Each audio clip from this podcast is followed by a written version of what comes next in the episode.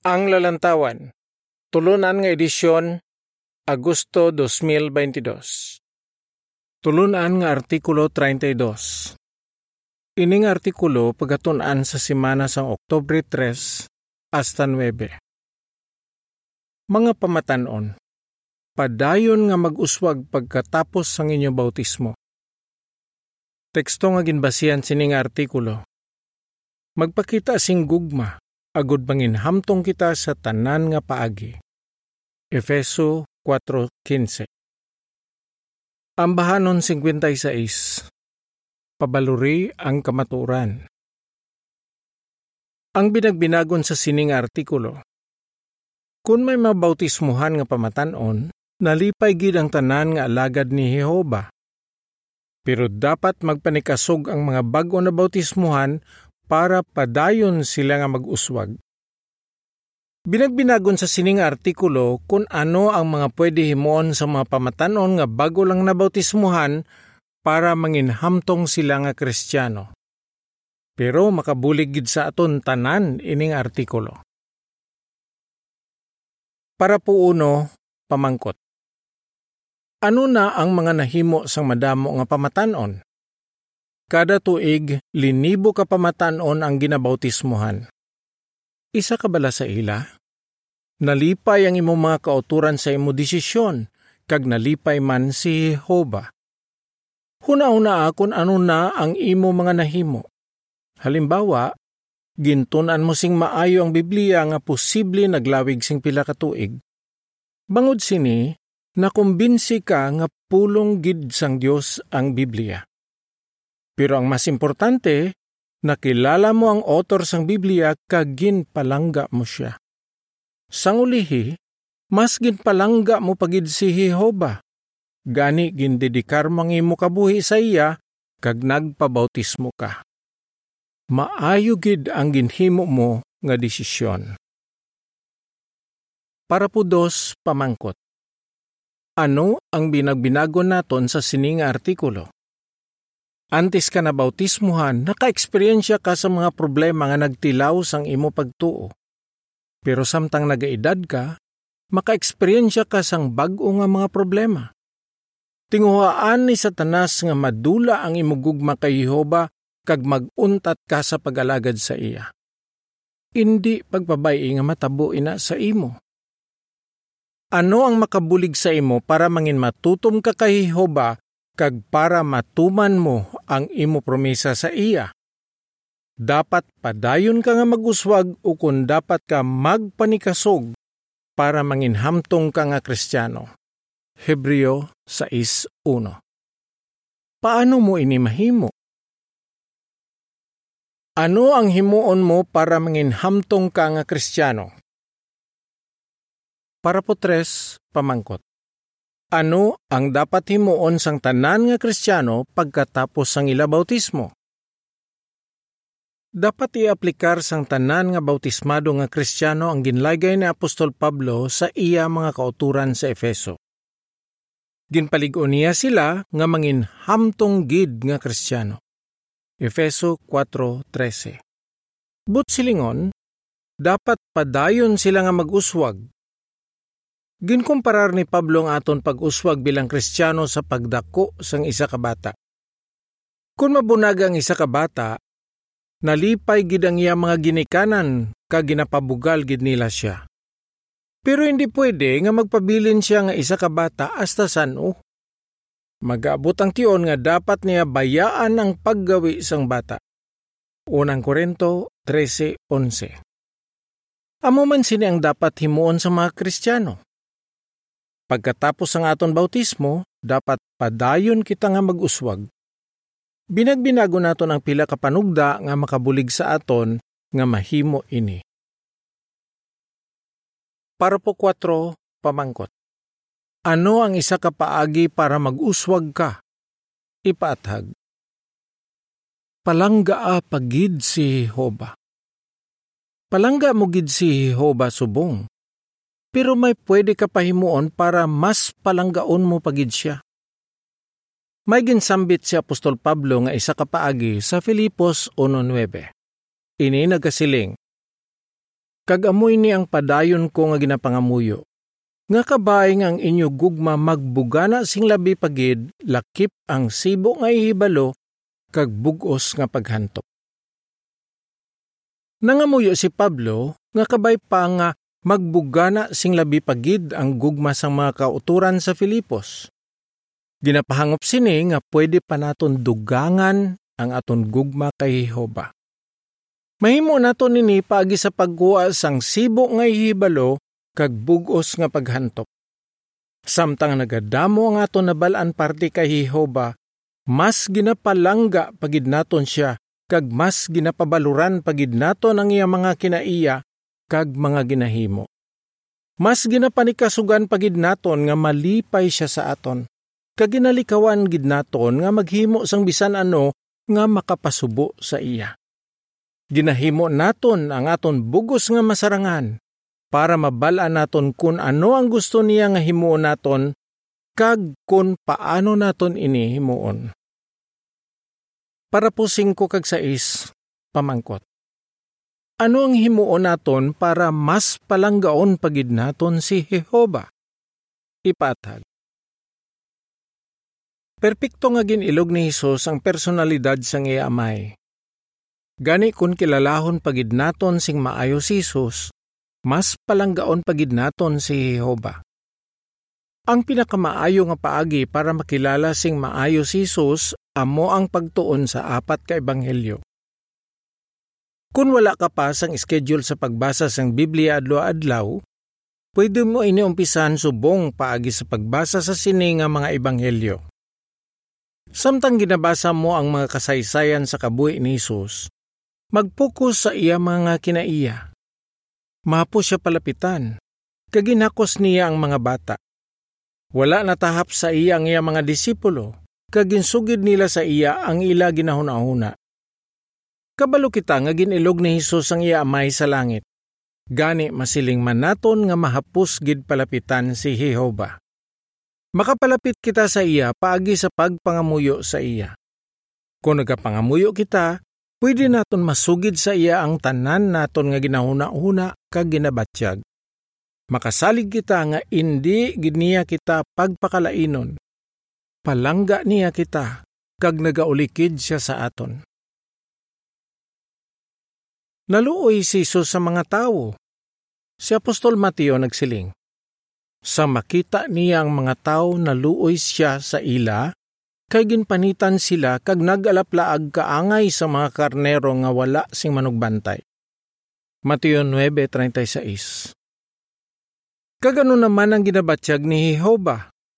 Si Jesus nagsiling, Hindi luyag sang akon amay sa langit nga malaglag ang bisan isa sining mga kubos. Mateo 18:14. Makapalig-on gid ini sa aton. Kung makilala pagid naton sing maayo si Jesus, mas palanggaon pagid naton si Jehova. Para po siyete, pamangkot. Paano makabulig sa imo ang pagupod sa hamtong nga mga kauturan? Kung magupod ka sa hamtong nga mga kauturan sa inyo kongregasyon, kag kun kilalahon mo sila sing maayo, makabulig man ini sa imo nga mas palanggaon pagid si Jehova kag manginhamtong nga Kristiyano. Talupang dakon daw ano sila kamalipayon. Wala gid nila ginhinulsulan ang ila desisyon nga lagaron si Jehova. Pamangkuta sila parte sa pila nila ka-eksperyensya sa pag-alagad kay Jehova. Kung may dapat kahimuon nga importante nga desisyon, mangayo sing laygay sa ila. Tanday nga may kadalagan kun madamo sing manuglaygay. Hulubaton 11.14 Para po otso, pamangkot.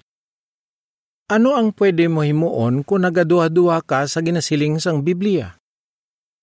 panikasugi nga madula ang imo mga pagpangduha-duha.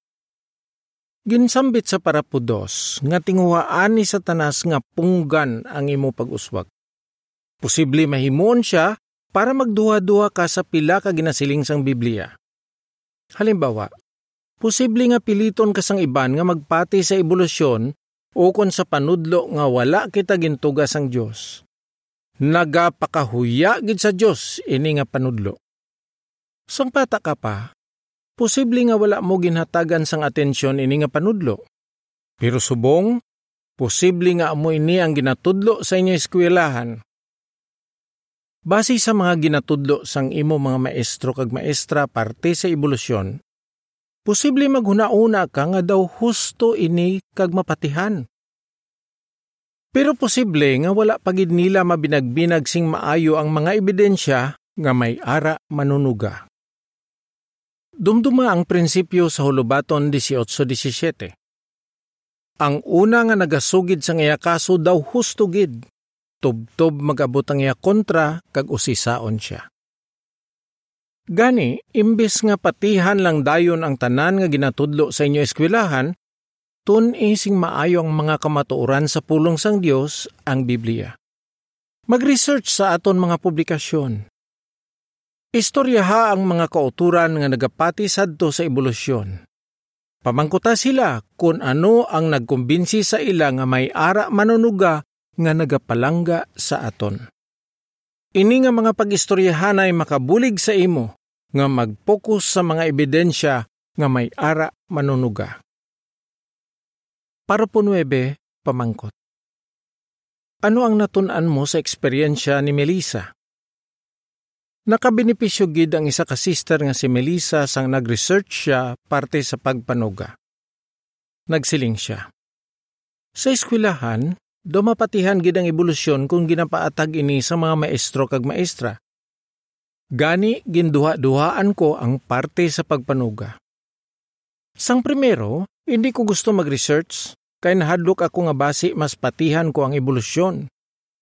Pero kabalo ako nga gusto ni Jehova nga kumbinsido kita sa aton mga ginapatihan bangod sa mga ebidensya. Gani, nag-research ako. Ginbasa ko ang libro nga Is There a Creator Who Cares About You? Kag ang mga brochure nga Gintuga bala ang kabuhi? Kag The Origin of Life, Five Questions Worth Asking. Nakabuligid ini sa akon. Tani, nag-research na lang ako dayon sadto. Ang caption sang mga picture nagasiling. Kung ginatudlo sa inyo eskwelahan ang parte sa ebolusyon, ano ang pwede mo himuon para makapanindugan ka sa imo ginapatihan? Para po Jess kag onse pamangkot.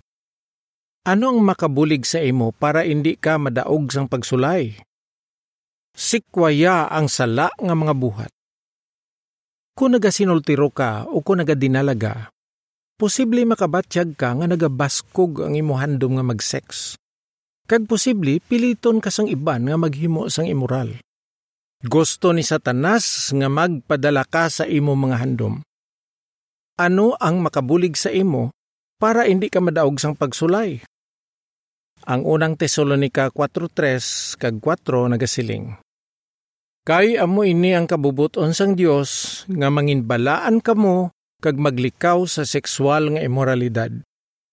Dapat mahibaluan sang kada isa sa inyo kung paano niya punggan ang iya galingon nga lawas sa balaan kag dungganon nga paagi. Mga muyo kay Jehova. Isugid sa iya kung ano gid ang imo ginabatyag kag pangabaya siya nga pabakuron ka. Tandai nga gusto ni Jehova nga buligan ka, hindi nga pakalainon ka. Makabulig man sa imong Biblia. Sa bahin ni Melissa nga ginsambit ka ina, nabudlayan siya nga si kwayon ang immoral nga mga panghunauna. Nagsiling siya. Ang pagbasa sang Biblia adlaw-adlaw amo ang nakabulig sa akon nga si kwayon ang malain nga mga handom. Ginpahanumdum ako sini nga si Jehova ang nagapanag-iya sa akon, kag gusto ko nga alagaron siya. Hindi pagsuluha ang imo mga problema.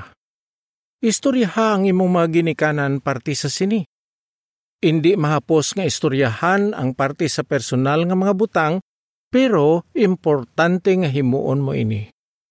Si Melissa nagsiling. Nangamuyo ako nga hatagan ako sang kaisog Dayon, ginistorya ko si Papa parte sa akon problema.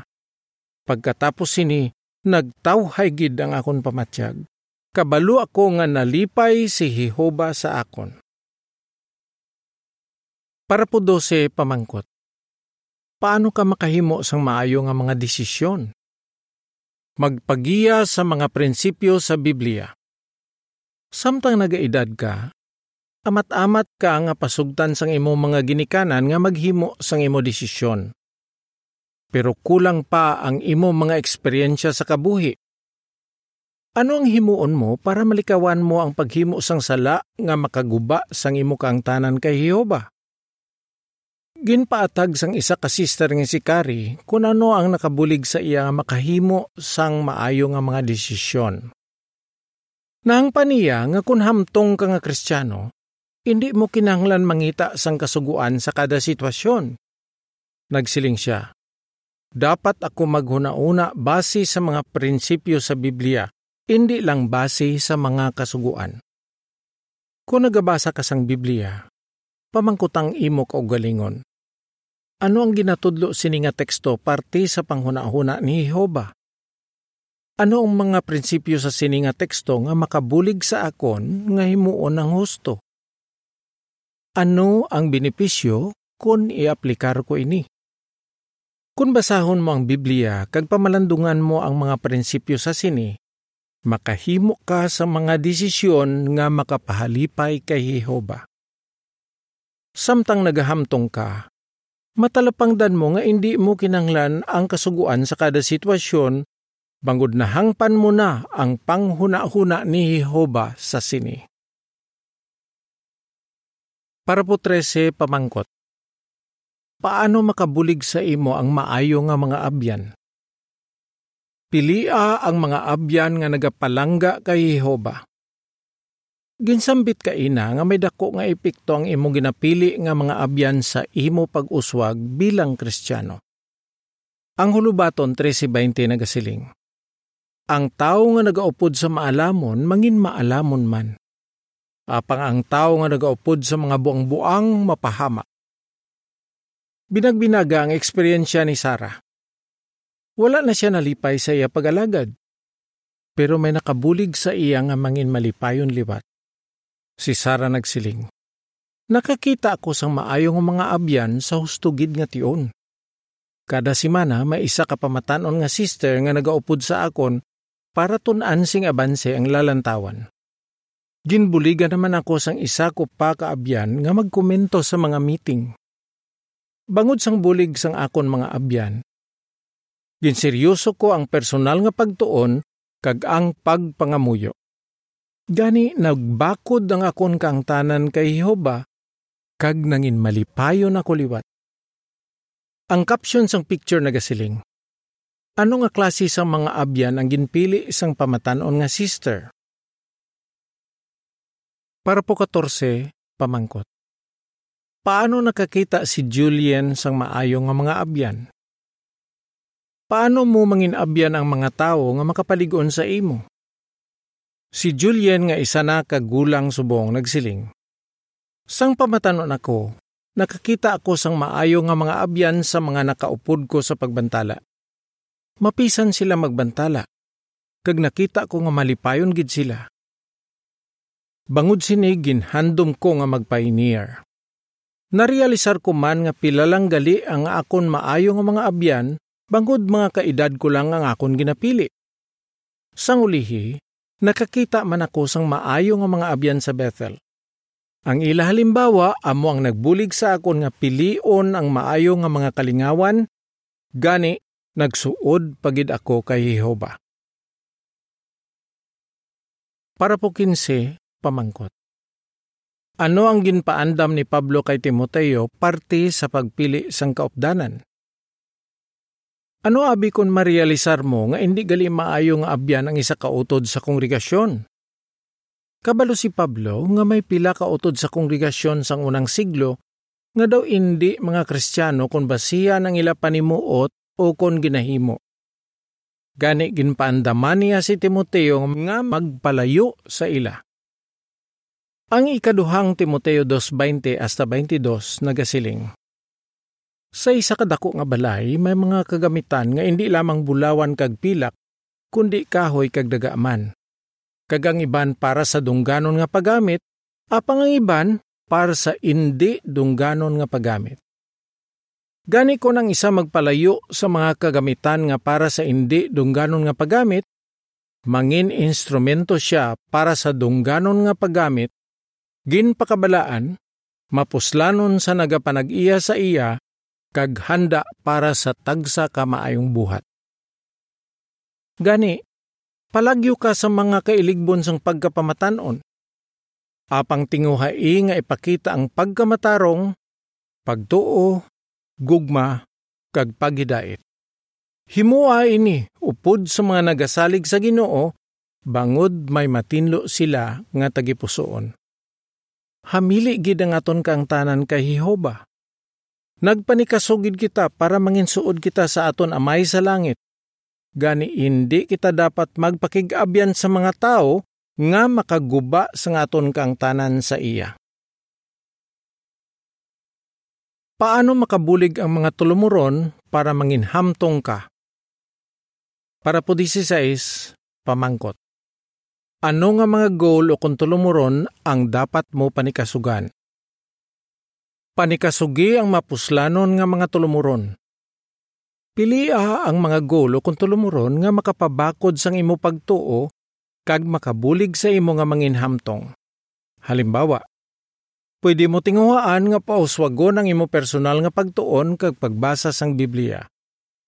Pwede mo man panikasugan nga magpangamuyo perme kag himuon ini sing tinagipusoon.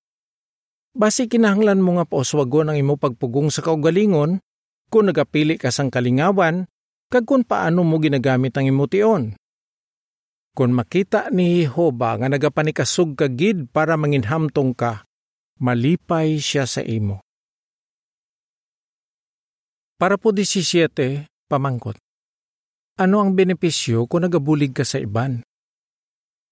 Kung nagabulig ka sa iban, makabulig ini sa imo nga manginhamtong nga kristyano. Nagsiling si Isus. Mas malipayon ang nagahatag sang sa nagabaton. Binuhatan 20.35 Mangin malipayon ka gid kung gamiton mo ang pila sang imution kag kusog para buligan ang iban. Halimbawa, Pwede mo himuon nga tulumuron ang pagbulig sa mga tigulang kag nagamasakit sa inyo kongregasyon. Pwede mo sila buligan sa pagpanindahan o kung tudluan sila sa paggamit sang ila gadget. Kung isa ikaw ka brother, himo nga tulumuron nga mangin isa ka ministerial nga alagad para mas makabulig ka pagid sa imo mga kauturan. Mapakita mo man ang gugma sa mga indi bahin sang kongregasyon paagi sa pagsugid sa ila sang maayong balita sang ginharian. Kag kung posible, himua nga tulumuron ang pagpioneer. Ang caption sang picture nagasiling, Ano ang ginhimo nga tulumuron sining pamatanon nga sister? Para po 18, pamangkot.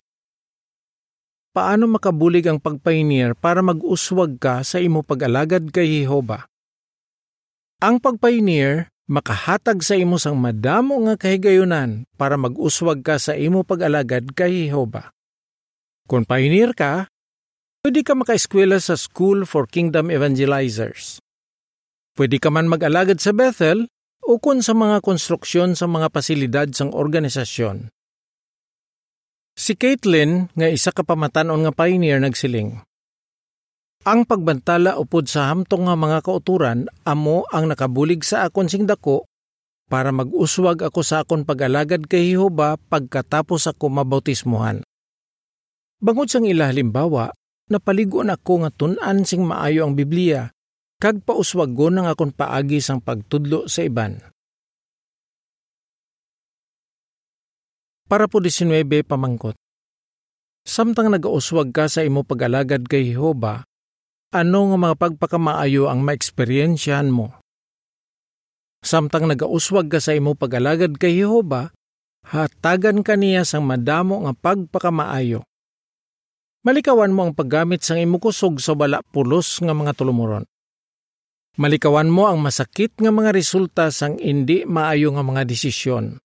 Sa baylo, mangin madinalagon ka gid kag malipayon. Ang imo maayo nga halimbawa, magapaligon sa imong mga kauturan, bata man, o kontigulang. Kagang pinakaimportante, mangin malinong ang imo huna kag mangin malipayon ka, bangod kabalo ka nga nalipay sa imo si Jehova, kag may suod ka nga kaangtanan sa iya. Anong imo sabat? Nga dapat padayon kita nga mag-uswag pagkatapos ang aton bautismo. Ano ang mga pwede himuon sang isa ka pamatanon para manginhamtong siya nga Kristiyano? Paano makabulig ang mapuslanon nga mga tulumuron para manginhamtong kita? Ambahanon 88 Ipahibalo sa akon ang imo mga dalanon. Diri natapos ang artikulo.